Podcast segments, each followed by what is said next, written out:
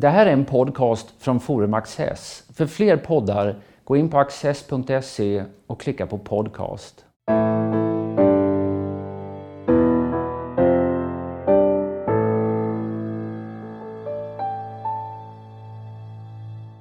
Hjärtligt välkomna till Studio Access. Min gäst idag är Patrik Oksanen, eh, ledarskribent i Mittmedia och en ledande kännare av försvars och säkerhetspolitik i svensk press. Eh, varmt välkommen. Tackar. Vi har haft glädjen att ha dig som gäst här tidigare, ungefär för ett eh, år sedan. Om man tittar på det här gångna året i ett säkerhetspolitiskt perspektiv, vad skulle du säga har kännetecknat det? Ja, att det eh, mörknar, om man får uttrycka sig så. Vi går mot en osäkrare värld. Eh, det här har accelererat det senaste året. Det har ju skett två stora saker i, i västerlandet som bidrar till det här. Det ena är ju Brexitomröstningen som vi såg då i juni när Storbritannien röstade om att lämna EU. Nu väntar vi också på att Theresa May ska lämna in så att säga, själva skilsmässopapperna. Och sen det andra förstås är ju valet av Donald Trump som USAs president som skapar stor osäkerhet i sig. Vart är han på väg och var är den amerikanska administrationen på väg? Ja, Trump har ju diskuterats mycket i Nato och säkerhetsperspektiv eh, och hans relationer till Ryssland. Men, men, du menar att även Brexit har en säkerhetspolitisk komponent? Ja, men absolut har den det. Därför att den eh, bidrar ju till att destabilisera och skapa osäkerhet kring vart är EU på väg? Hur kommer det europeiska samarbetet att, att hänga ihop? Och EU är ju ganska mycket mjuk makt, särskilt i, i vår kontinent Europa då, som är en, en, en säkerhetshöjande organisation. Eh, och då är det ju vad, vad händer då om EU börjar spricka sönder och samman? Och då väntar vi ju också med stor spänning på det franska valet där en valseger för Marine Le Pen skulle vara förödande för det europeiska samarbetet. Om vi tittar på Donald Trump då, så att säga, det är, under valkampanjen framförallt så vevade han på rätt mycket om Nato. Sen får man väl säga att i takt med, ja, veva på fortsätter han att göra, men just i denna fråga så har ju hans ministrar och kanske även han själv försökt att sända lite lugnande signaler. Eh, vad ska man tro om detta? Ja, det är just det. Vad ska man tro om detta? Och det är väl det, är väl det som är den stora saken här som, som har hänt. Det är ju att det har skapats mycket osäkerhet kring det. Där du å ena sidan ser då eh, försvarsministern eh, Mattis, eh, utrikesministern Tillerson försöker liksom tillsammans med, med vicepresidenten Pence skicka liksom trygghetssignaler till NATO-samarbetet.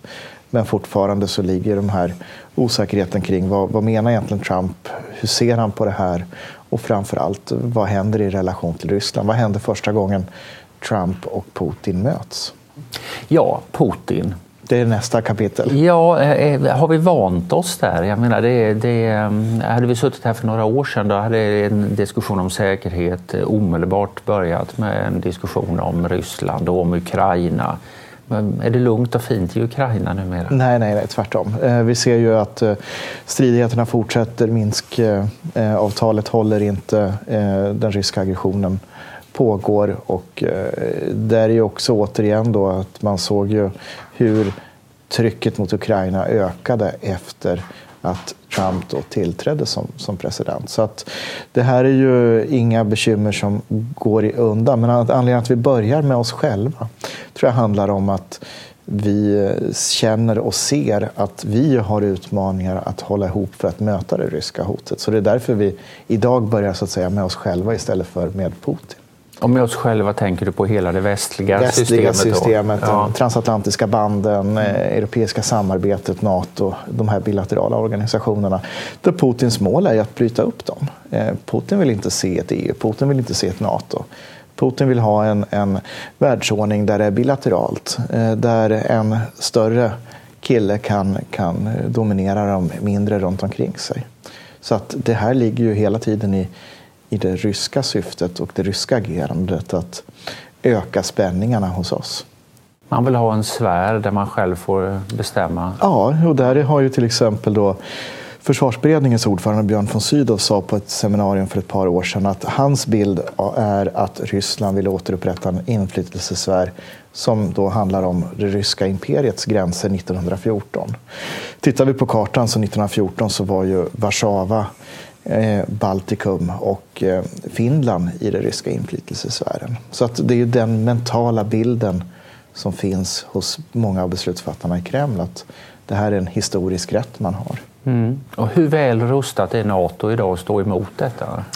Nato är inte särskilt väl rustat i, i Östersjöområdet. Nu har man ju tillskjutit de här roterande bataljonerna i Polen, Estland, Lettland och Litauen. Men om du tittar på den rent militära styrkan så, eh, så ser vi då att Ryssland står på andra sidan och rustar på, på divisionsnivå. Så att, för, för, när vi talar eh, bataljoner talar vi hundratals personer och divisioner är tiotusentals ja, ja, personer. Precis. Så att det är Ja, det är ingen militär närvaro att tala om utan det är en politisk ställningstagande att placera sina soldater. Det är vad man kan säga en snubbeltråd eller en markering att mm.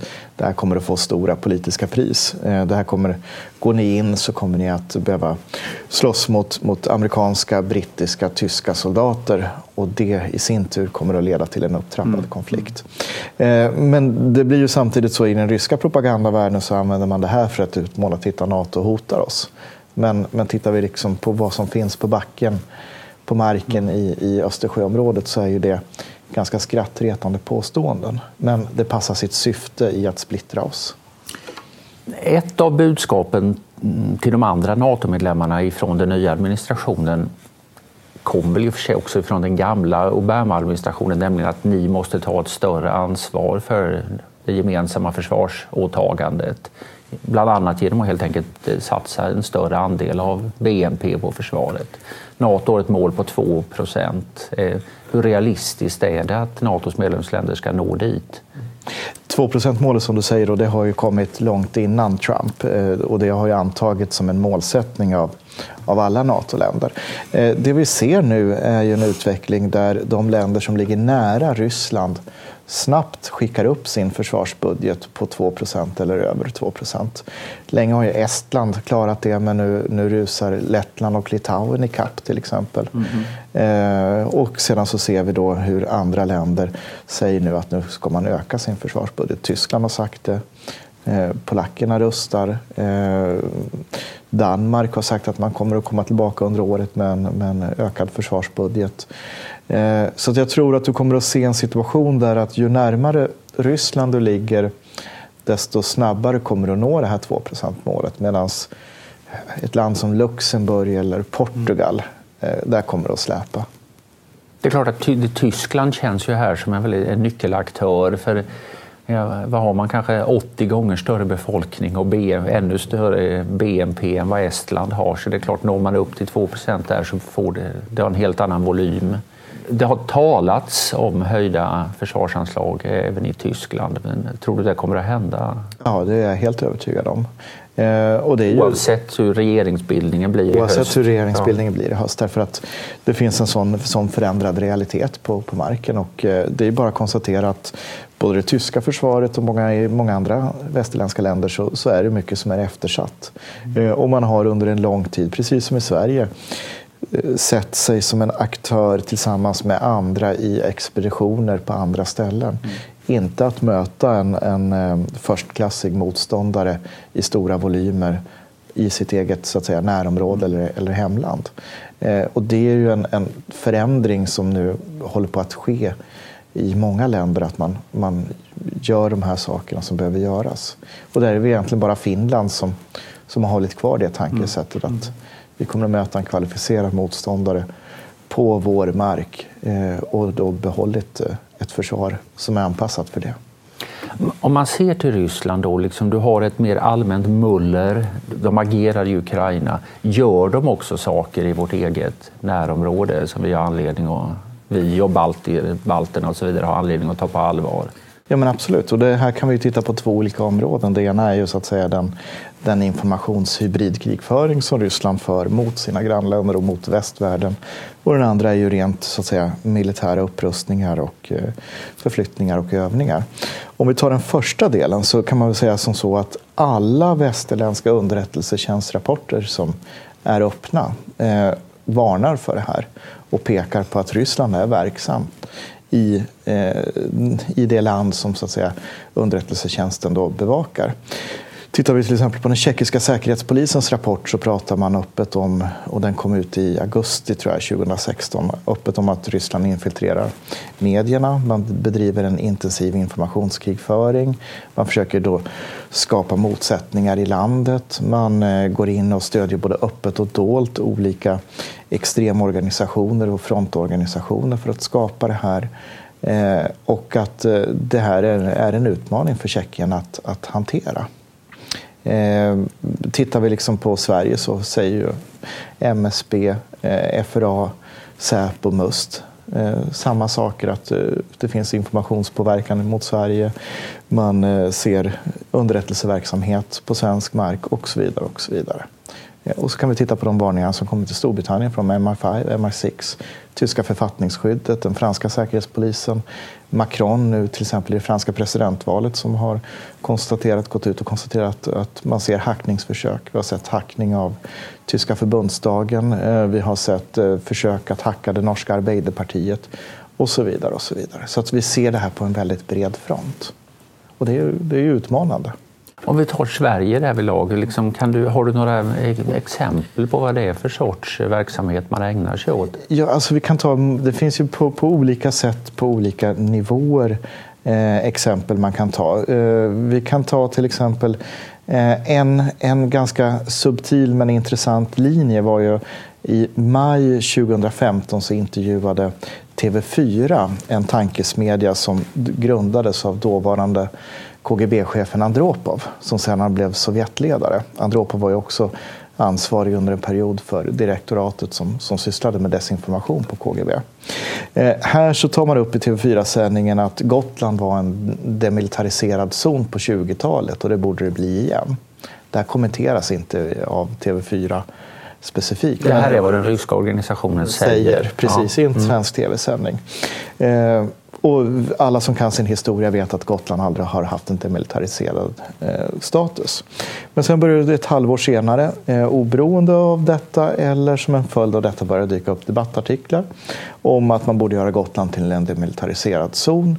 Och sedan så dyker det upp ett evenemang på Almedalen Eh, i somras då, där man diskuterar då möjligheten att kunna göra ett Åland av Gotland som en demilitariserad zon. Här ser vi en informationspåverkan som kommer från en rysk statlig aktör kopplat till underrättelsetjänsten som spelar in ett narrativ i svensk debatt.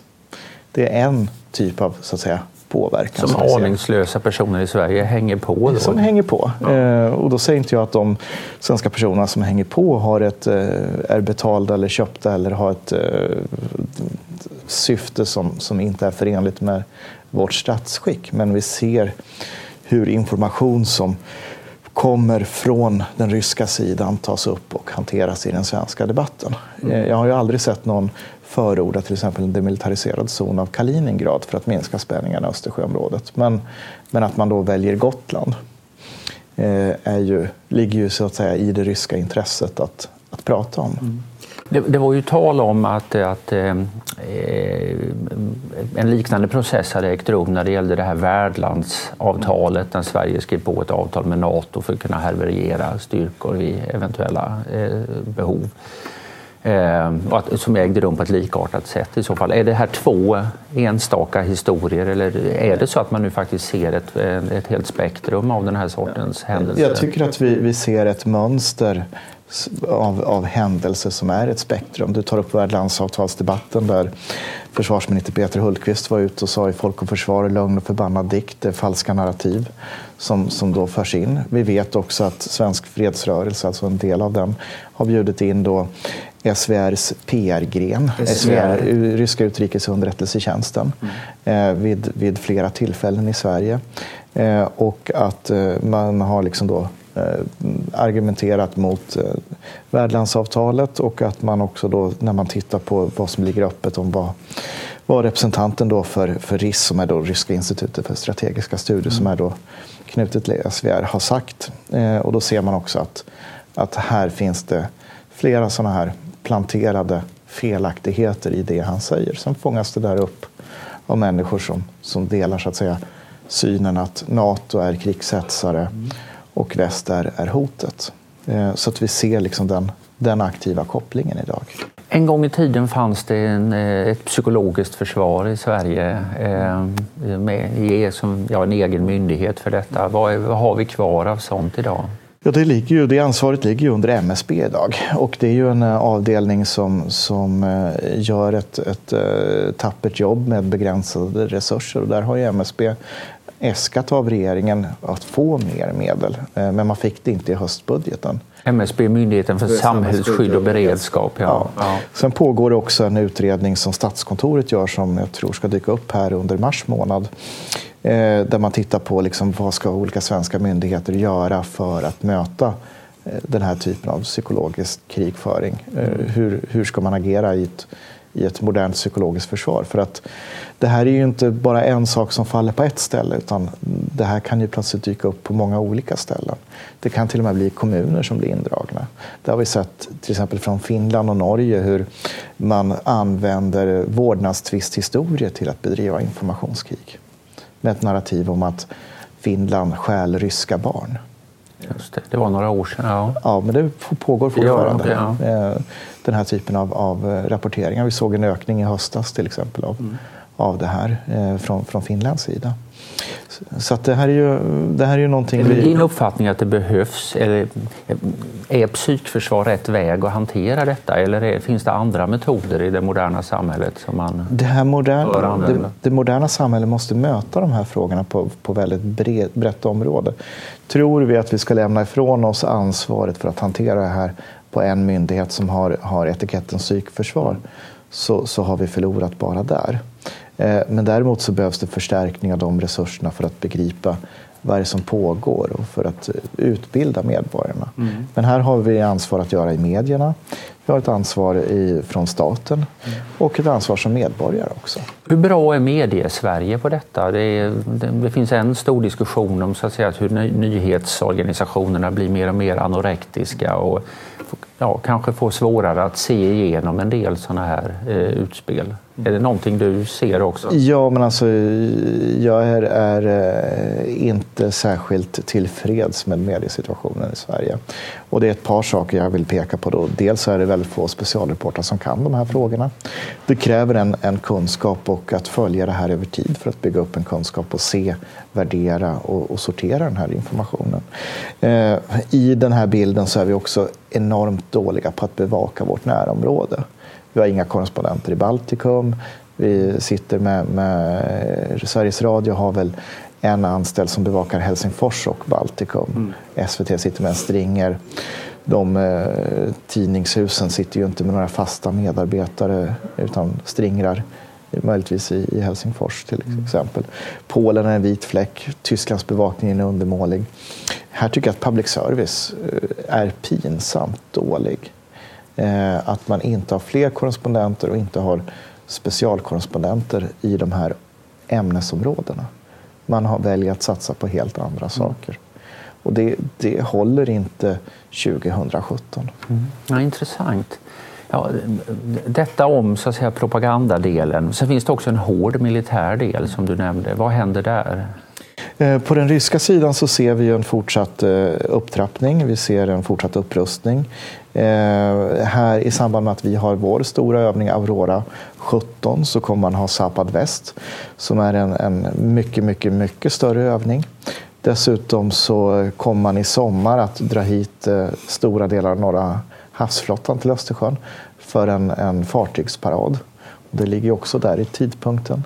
Vi ser ju förflyttningar av Iskander-missiler till, eller Iskander-robotar till Kaliningrad. Och, eh, det är robotar med räckvidd, räckvidd. långt in i fastlands-Sverige. Ja, ja, som kan också kärnvapenbestyckas. Eh, så att vi, vi ser ju liksom en, en ökad militär temperatur där eh, det blir trängre och trängre och naturligtvis ökar då risken för, för missförstånd som kan leda till incidenter. Och det har ju nu Ryssland och Nato senaste tiden eh, återupptagit en rad militära kontakter för att eh, ha snabbare linjer för att undvika eh, att en oplanerad incident leder till någonting.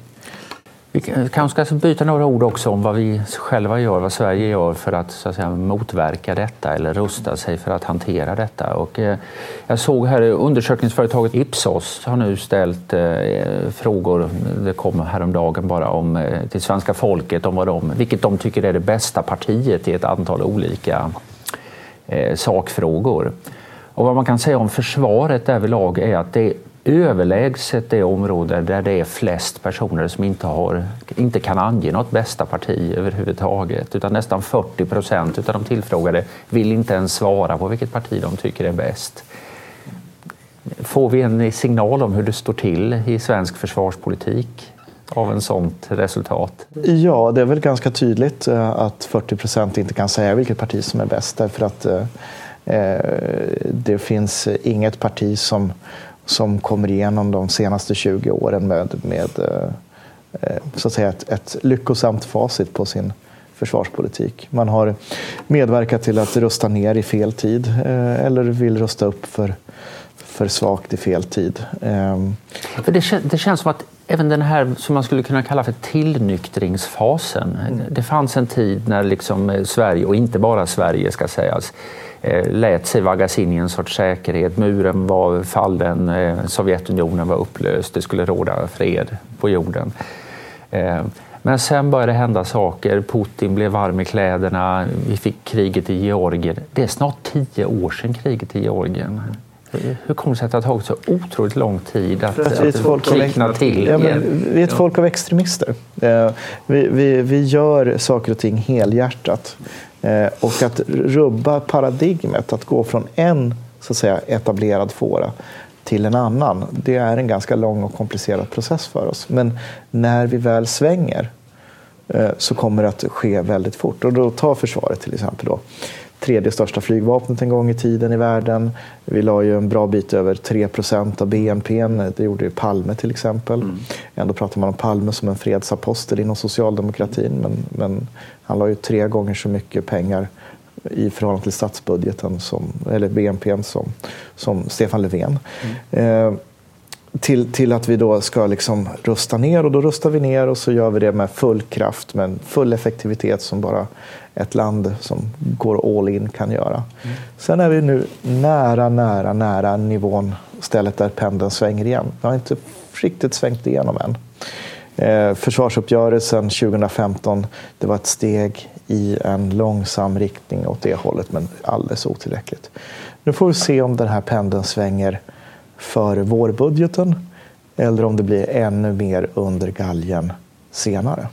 Men att den svänger, låter det som att du är övertygad om? Jag är helt övertygad om det. Men, men det finns fördröjnings eh, mekanismer, vana, makt eh, över budgeten, eh, tröghet i att liksom prioritera här. Men, men, men när, när svenska politiker väl sätter sig ner och säger att ja, nu lättar vi plånboken, vi måste lägga det dubbla på försvaret, då kommer det att ske väldigt fort. En av de mest uppmärksammade åtgärderna på det här området eh, som har skett alldeles nyligen det är att regeringen har beslutat att återaktivera värnplikten. Det blir inte allmän värnplikt med liksom, eh, eh hela årsklasser inkallade, men pliktinstrumentet ska användas igen. Är det här ett symboliskt beslut huvudsakligen eller kommer det faktiskt att spela en stor roll för vår försvarsförmåga? Ja, men alltså, det här var ett helt nödvändigt beslut. För vi, vi klarar inte av att bemanna dagens armé på 50 000 man. Eh, den armén var ju, eller det försvaret var ju byggt då för en tid då vi skulle göra insatser långt borta. Eh, jämför med Finland som har 230 000 idag som ska gå till 280 000. Mm.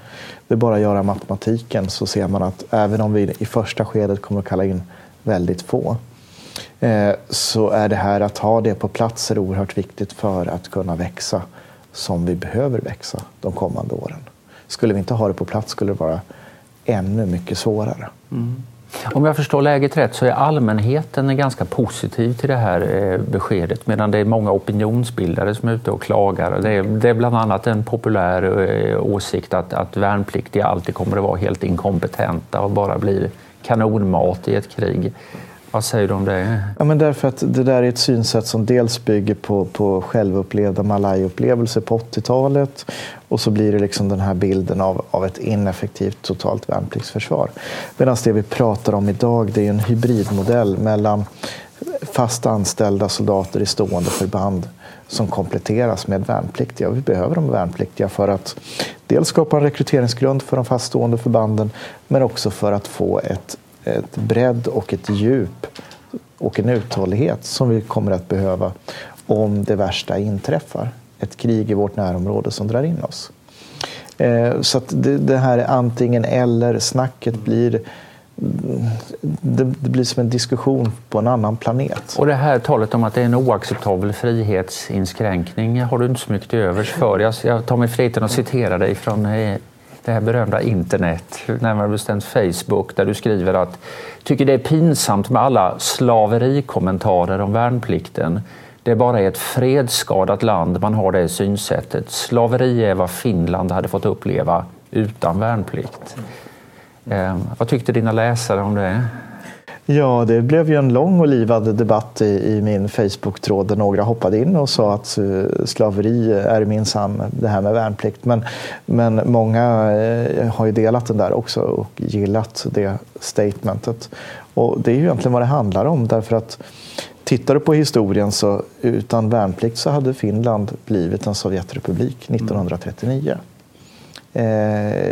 då kan man fråga sig vad är det större slaveriet? Ett annat argument är att det behöver höjas löner. Man borde ha premier som gör att man blir motiverad som soldat att fullgöra sin tjänstgöring. Att man kanske får sina studielån avskrivna. Någonting sånt. Borde man inte ha prövat det också? Då? Ja, det finns ingen motsatsförhållande mellan eh, att öka incitamenten och det kommer regeringen att återkomma med under året också. Att förbättra den delen för att stimulera frivilligheten. Men saken är den, vi har inte tid att experimentera längre. Det var ett stort experiment som Alliansen införde när man beslutade om 2010 att, att slopa det här. Eh, och man har inte klarat av att leverera experimentet och vi lever inte i en tid då vi har råd att, att eh, leka med de här frågorna längre, experimentera och ge det flera år och det kanske funkar, kanske inte funkar. I ett budgetunderlag från överbefälhavaren som kom ganska nyligen så säger man att eh, det saknas, ja, det saknas pengar på flera olika sätt. Eh, det försvarsbeslut vi har är underfinansierat till att börja med. För några år sedan sa försvaret att vi behöver 4 miljarder extra om året. De fick 2 miljarder extra om året. Nu säger de att därutöver så har det en, en eh, valutakursförändringar och prishöjningar gör att vi får 6,5 miljard mindre att köpa för. Jag brukar säga att för den som tycker att eh, liksom teknisk fysik och tjeckisk grammatik är för enkelt och lättfattligt så ska man bara ägna sig åt försvarsekonomi. Så vi ska inte borra i detta för det är jättekrångligt. Men när ÖB som ju hittills har gjort mycket en dygd av att inte bråka utan verkligen försöka vara en lojal soldat och spela bollen där den ligger och sånt där. När han nu kommer med det här kravet och dessutom går, lägger in en hemlig bilaga där han säger att det är brister som är så pass graverande att vi inte kan tala om dem eh, öppet. Är det dags att lyssna då? Det har varit dags att lyssna väldigt länge om du frågar mig. Är det extra starka skäl att lyssna? Extra starka skäl är det. Och det, det jag tycker ÖB har gjort bra det är ju då att han har ju fått en del kritik för att han inte har varit, eh, spelat pengakortet hårdare tidigare. Men hans företrädare gjorde ju det extremt tydligt. Sen kommer ÖB in och efterträder eh, och han behöver då visa att han, han eh, kan leverera med det grundmandat han har fått och det har han gjort. Eh, bland annat genom att det finns ett begrepp nu att göra en bedenare, det vill säga trolla lite grann med knäna. Så då plockade man ihop ett kustrobotsystem markbaserat ur gamla förråd och satte i, i drift till exempel. Eh, fast trupp på Gotland. Tidigare var det tänkt genom roterande förband och så vidare. Så ÖB har visat att han kan leverera politikens beställningar men det finns ju bara så långt som det är möjligt att trolla med knäna. Mm. Eh, och det här som ÖB nu gör är ju eh, det jag hoppas på ska få eh, pendeln att, att svänga eh, rejält. För att här kommer det svart på vitt vad vi behöver göra. Och då får man falla tillbaka till på vad har Stefan Löfven sagt på Folk och Försvar i Sälen kring försvaret och försvarsintresset för, för staten. Eh, vi kan gå tillbaka till vad, vad, också nu de senaste signalerna från, från Margot Wallström och Peter Hultqvist är i de här frågorna inför partikongressen i april eh, för Socialdemokraterna. Eh, så att jag utgår ifrån att det här vill man inte ha hängande över sig regeringen vill rensa bordet, i alla fall social, delar av socialdemokratin vill rensa bordet inför partikongressen i april. Vi får se hur det går där. Patrik Oksanen, stort tack för att du har varit här.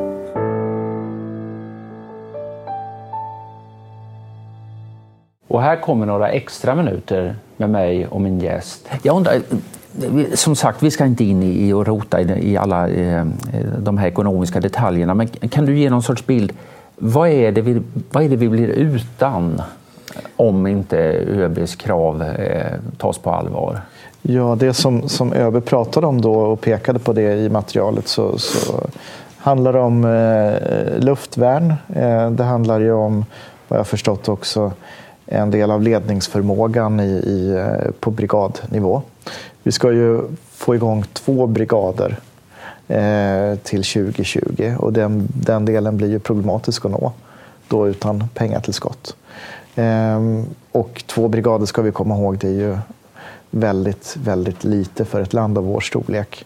Där vi har väldigt många områden där vi skulle behöva säkra vårt territorium. Mm. Och kanske till och med skicka trupp till våra grannländer i en krissituation. Eh, så att vi pratar om en väldigt liten del som vi inte har fått upp och fungerar. Och man kan ju också möjligen säga att, att diskussionen i de här mer tekniska frågorna har lite grann kommit att utspela sig på, eh, på fel planhalva i så mått att alla de handlar ju om den här insatsorganisation 14 och huruvida man ska kunna leverera den eller inte. Alltså det som är resultatet av 2009 års eh, försvarsbeslut. Men de flesta bedömare anser väl att även den är alldeles för snålt tilltagen. Så även om vi liksom lyckades skaka fram de pengar som ÖB nu ber om och som eh, de borgerliga partierna och eh, Sverigedemokraterna eh, talar om så är det bara något som garanterar en rätt otillfredsställande försvarsmakt. Ja, så är det. Den är överspelad skulle jag säga. Vi behöver snabbt gå mot nästa nivå. Och det är därför man behöver skjuta till pengarna så att man klarar av att, att, så att säga, komma upp på den nivån som var planerad. För att sen fort in i, efter 2020 komma på en, på en ny nivå.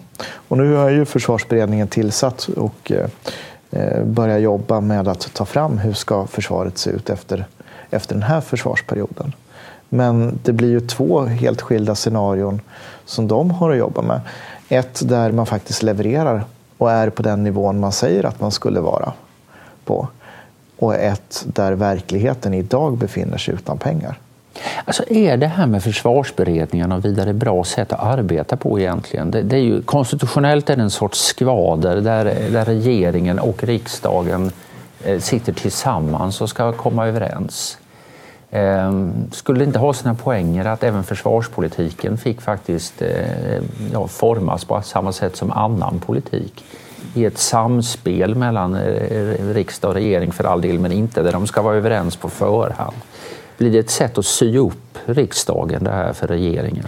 Jag tror att det har varit, nu inte jag, har inte jag den historiska linjen på det sättet och den, den djupa kunskap i hur hur det har varit tidigare, men den bild jag har är ju att det här har varit också ett sätt att, att hantera neddragningarna, att samla alla runt pumpen och vara överens om hur ska vi liksom spara pengar på det här. Eh, nu kommer vi in i ett annat läge då vi snabbt måste öka. Eh, och då tycker jag att, att försvarsberedningen den har ju det problemet att det är ju, den är för långsam. Eh, dessutom är det väldigt bekvämt att man skjuter ifrån sig ansvar här och nu genom att säga att de Då kommer vi i åratal få höra eh, hänvisningar ja. till att den arbetar. Och det håller inte. Det håller inte där vi står idag. Vi måste agera mycket snabbare. Sen behöver vi ha en försvarsberedning eller en grupp som tittar på på vart ska vi, hur ser det teknikutvecklingen ut, vad får det för konsekvenser och att det finns parlamentariska inslag av den. Eh, och sen är det viktigt att största oppositions, eh, att opposition och regering så att säga är överens om de stora mm. tagen så att vi inte får de snabba brotten. För att det är ju oerhört dyrt i försvarspolitiken att, att, så att säga, vart fjärde år ändra inriktning. Det Men detta skulle, om, man nu, om man nu vill behålla formatet, då talar väl detta mer för någon sorts kontinuerlig försvarsberedning ja. där man avger löpande rapporter istället för liksom det här femårsplanetänkandet där man eh, lägger fram ett dokument och sen ska man djupanda och sen ta ny sats för en ny femårsperiod. Det blir ju som du säger, man kommer i efterhand hela tiden. Ja, och sen ser vi att det är väldigt många som överlappar mellan försvarsutskott och försvarsberedning. Mm. Vilket blir också, som du reser då, då frågan, vad, vad, är det här för skvader? Mm. Eh, där det kanske hade varit bättre att ha ett ett förstärkt utskott i, i eh, försvarsutskottet till exempel, eller en, eller en arbetsgrupp i försvarsutskottet som tar in externa experter som jobbar med, med långsiktighet i, i perspektiven. Eh, så att här har vi all anledning att, att fundera över framtida former. Två ord avslutningsvis. Vi skulle kunna tala, fortsätta tala länge om detta, men, men en frågeställning det är ju det här man kallar för totalförsvaret. Mm där man ju då tar in så att säga, skyddet av det, även det civila samhället och dess funktionssätt och inte minst försörjningsfrågorna. Eh, Sverige är ett på många sätt väldigt annorlunda samhälle idag än på 60-70-talet när det kanske var i sin glansdagar och det fanns gigantiska lager och så här. Nu finns inga lager och, och eh, man la mer eller mindre ner eh, hela tanken på att organisera ett sånt här eh, totalförsvar. Nu kommer lite försiktiga signaler om att den här planeringen ska återupptas igen. Vad, är, vad, vad ser du händer där? Nej, men det är som du säger, planeringen ska återupptas. Än så länge har man inte skjutit till pengar till de som ska planera det. Vilket gör att man ska göra inom befintlig ram och verksamhet. Vilket gör att eh, det kommer att ta tid. Eh, så här behöver man öka tempot, man behöver skjuta till mer pengar för att få saker och ting att hända i de här områdena. Och det här är ju en kedja som går på, på väldigt många ledder och upp och ner i samhället. Går ner på kommunnivå, vem tar hand om barnen, de gamla? Hur får de mat? Till, eh, till näringslivet, hur ser eh, transportkedjorna ut? Logistikkedjorna som ska säkerställa maten. Eh, hur samarbetar ICA och Konsum? För att se till att det finns mat i hela landet. Eh, så att här behöver ju här finns ett intellektuellt arbete att göra helt enkelt. Att, att liksom återuppfinna det här tänket i en modern, just in time-orienterad eh, ekonomi. Och man behöver också skapa eh, organisation och, och så att säga pengaincitament i, i Eh, de här branscherna att, att ge uppdrag att eh, en rad olika privata aktörer ska ha ett beredskapsansvar mm. och ha en beredskapsförmåga. Eh, så här har vi mycket jobb att göra. Men det som är, är positivt är ju ändå att en del av det här jobbet kan gå ganska fort bara man samlar aktörerna runt pumpen. Och det finns ju också liknande strukturer på plats, till exempel inom eh, finansområdet eh, mellan staten och de privata aktörerna. Så mm. det finns ju modeller att titta på och kopiera. Och även på detta område har vi en förebild i Finland som aldrig eh, avskaffade den här planeringen utan har vårdat den. De har vårdat den, de lärde sig av oss och nu får vi åka tillbaka och lära oss av Finland. Vad, vad var det vi, vi lärde dem egentligen en gång i tiden? Så det är en, en del av, av ödets ironi. Men sen måste man också titta på att vi har en helhet här i och då börjar det bli lite utmanande också i näringspolitiken. I den här helheten ingår ju till exempel handelsflottan. Eh, vi har färre fartyg idag under svensk flagg eh, än vad vi hade för tio år sedan. Ja, än någonsin tror jag. Eller åtminstone under modern tid. Under modern tid. Vi får gå tillbaka till, till möjligtvis någonstans Gustav Vasas tid. glada dagar. Ja. Ja. Eh, och sen har vi jordbruket med försörjningsgraden som på pappret är under 50 procent. Mm. Och vad gör vi då för att se till att den delen ökar mm. igen? Ehm, så att vi har, liksom, om vi ska titta på robusthet, en, en utmaning för hela samhället att, att dels få de här kedjorna att fungera men också att undvika att se till att vi blir ännu svagare i vissa områden. Mm. Och jag antar att om vi börjar prata om IT-säkerhet och sånt så skulle vi kunna tala väldigt länge. Jag fortsätta med det också. Tyvärr, eller tack och lov, hur man nu ser om saken, får vi avstå från detta den här gången. Stort tack! Tackar!